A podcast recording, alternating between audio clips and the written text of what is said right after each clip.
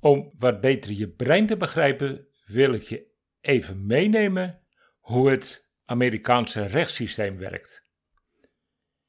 En wat de uitslag is van een onderzoek naar hoe het brein de dingen waarneemt. Het Amerikaans juridisch stelsel is berust op het volk. Uit elk deel van de bevolking komt die jury van twaalf mensen bijeen. Jong, oud, werkzaam, gestudeerd, gepensioneerde en alles ertussenin. Een kleine greep uit de bevolking dus, maar geen kennis van het rechtproces op zichzelf. Naast de advocaat van beide partijen zit in de zaal ook die twaalf mensen die lokaal opgeroepen worden en worden gezien als een verscheidenheid van het Amerikaanse volk. Juryrechtspraak wordt in Amerika als een beoordeling door je medeburgers gezien. Misschien dat dit in de oorspronkelijke opzet in de vorige 19e eeuw werkte, maar nu is het duidelijk een systeem dat diverse problemen oplevert. Volgens een eerdere studie van een denktank bestaat de Amerikaanse jury in toenemende mate uit mensen die werkloos of gepensioneerd zijn, simpelweg omdat de anderen de oorspronkelijke juryplicht weten te ontlopen. Hoe gaat het daar in zijn werk? Die twaalf mensen zitten elke zitting bij en na afloop trekken ze zich terug. Dan is het zaak dat er een eenstemmige uitslag komt. Schuldig of niet schuldig, hangt dus af van de jury bijeengeraapt uit het volk. Iedereen in die jury moet dus hetzelfde oordeel hebben. Als er één is die anders denkt, dan moet het debatteren in die groep weer helemaal over. Die studie van die denktank was verrassend. Een groep van twaalf juryleden die geregeld werden opgeroepen om deel te nemen, werd gevraagd om deel te nemen aan een bepaalde test. De groep was een mengeling dus van die Amerikaanse burgers van jong en oud, vrouwen en mannen. Op een groot afgezet plein, midden in een prachtig rustig dorp, namen ze aan de rand van het plein plaats aan wat tafeltjes en kregen wat te drinken. Alsof ze toeristen waren en genoten van het uitzicht. Maar alles wat op dat plein zou plaatsvinden, was perfect van tevoren bedacht. Alles was dus in scène gezet. Er gebeurde daar van alles.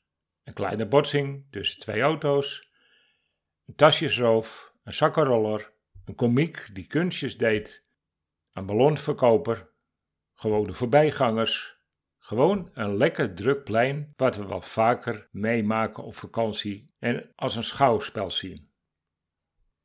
Het ging er in die test natuurlijk om hoe die jury met al die informatie omging.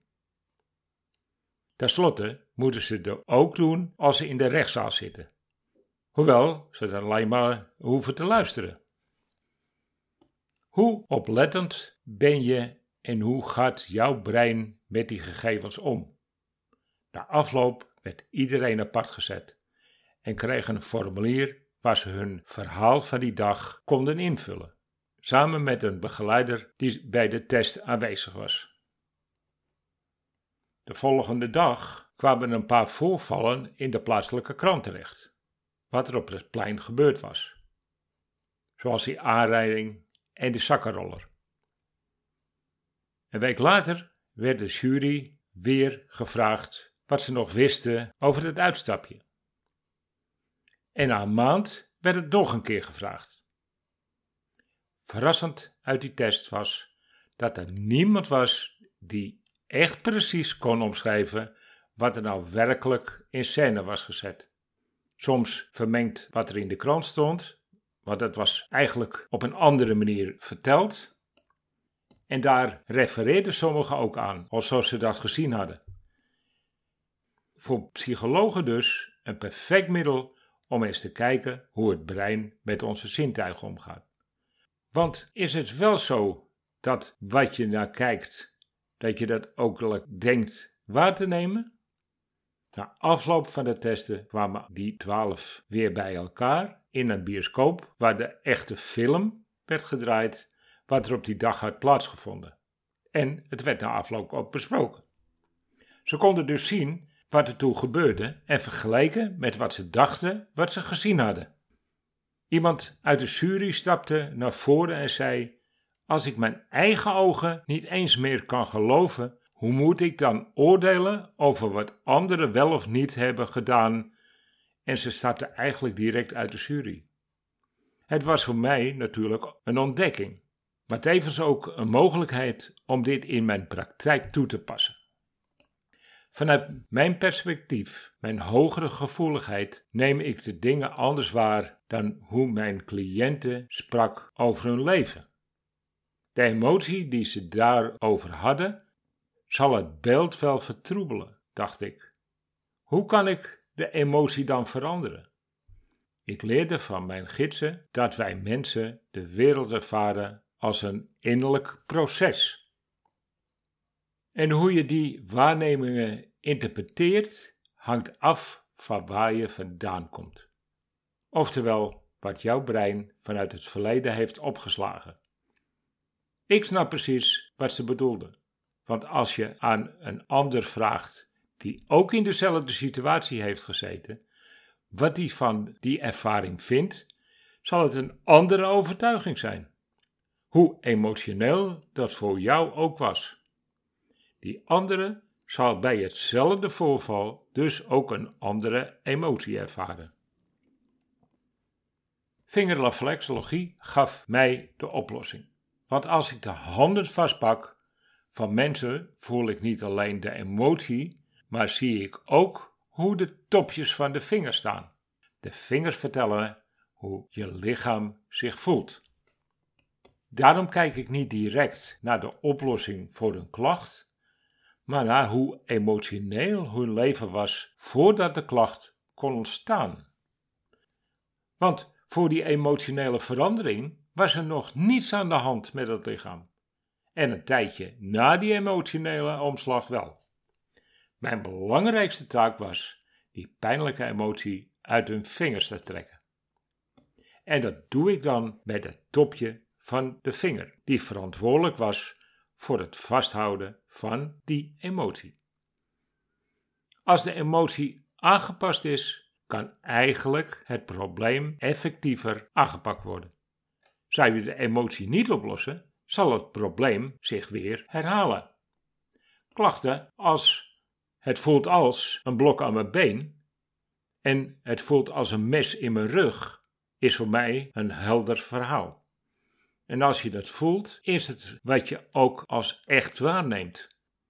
Dus moet het blok uit je been los of dat mes uit je rug. Simpeler kan niet. Nog eens.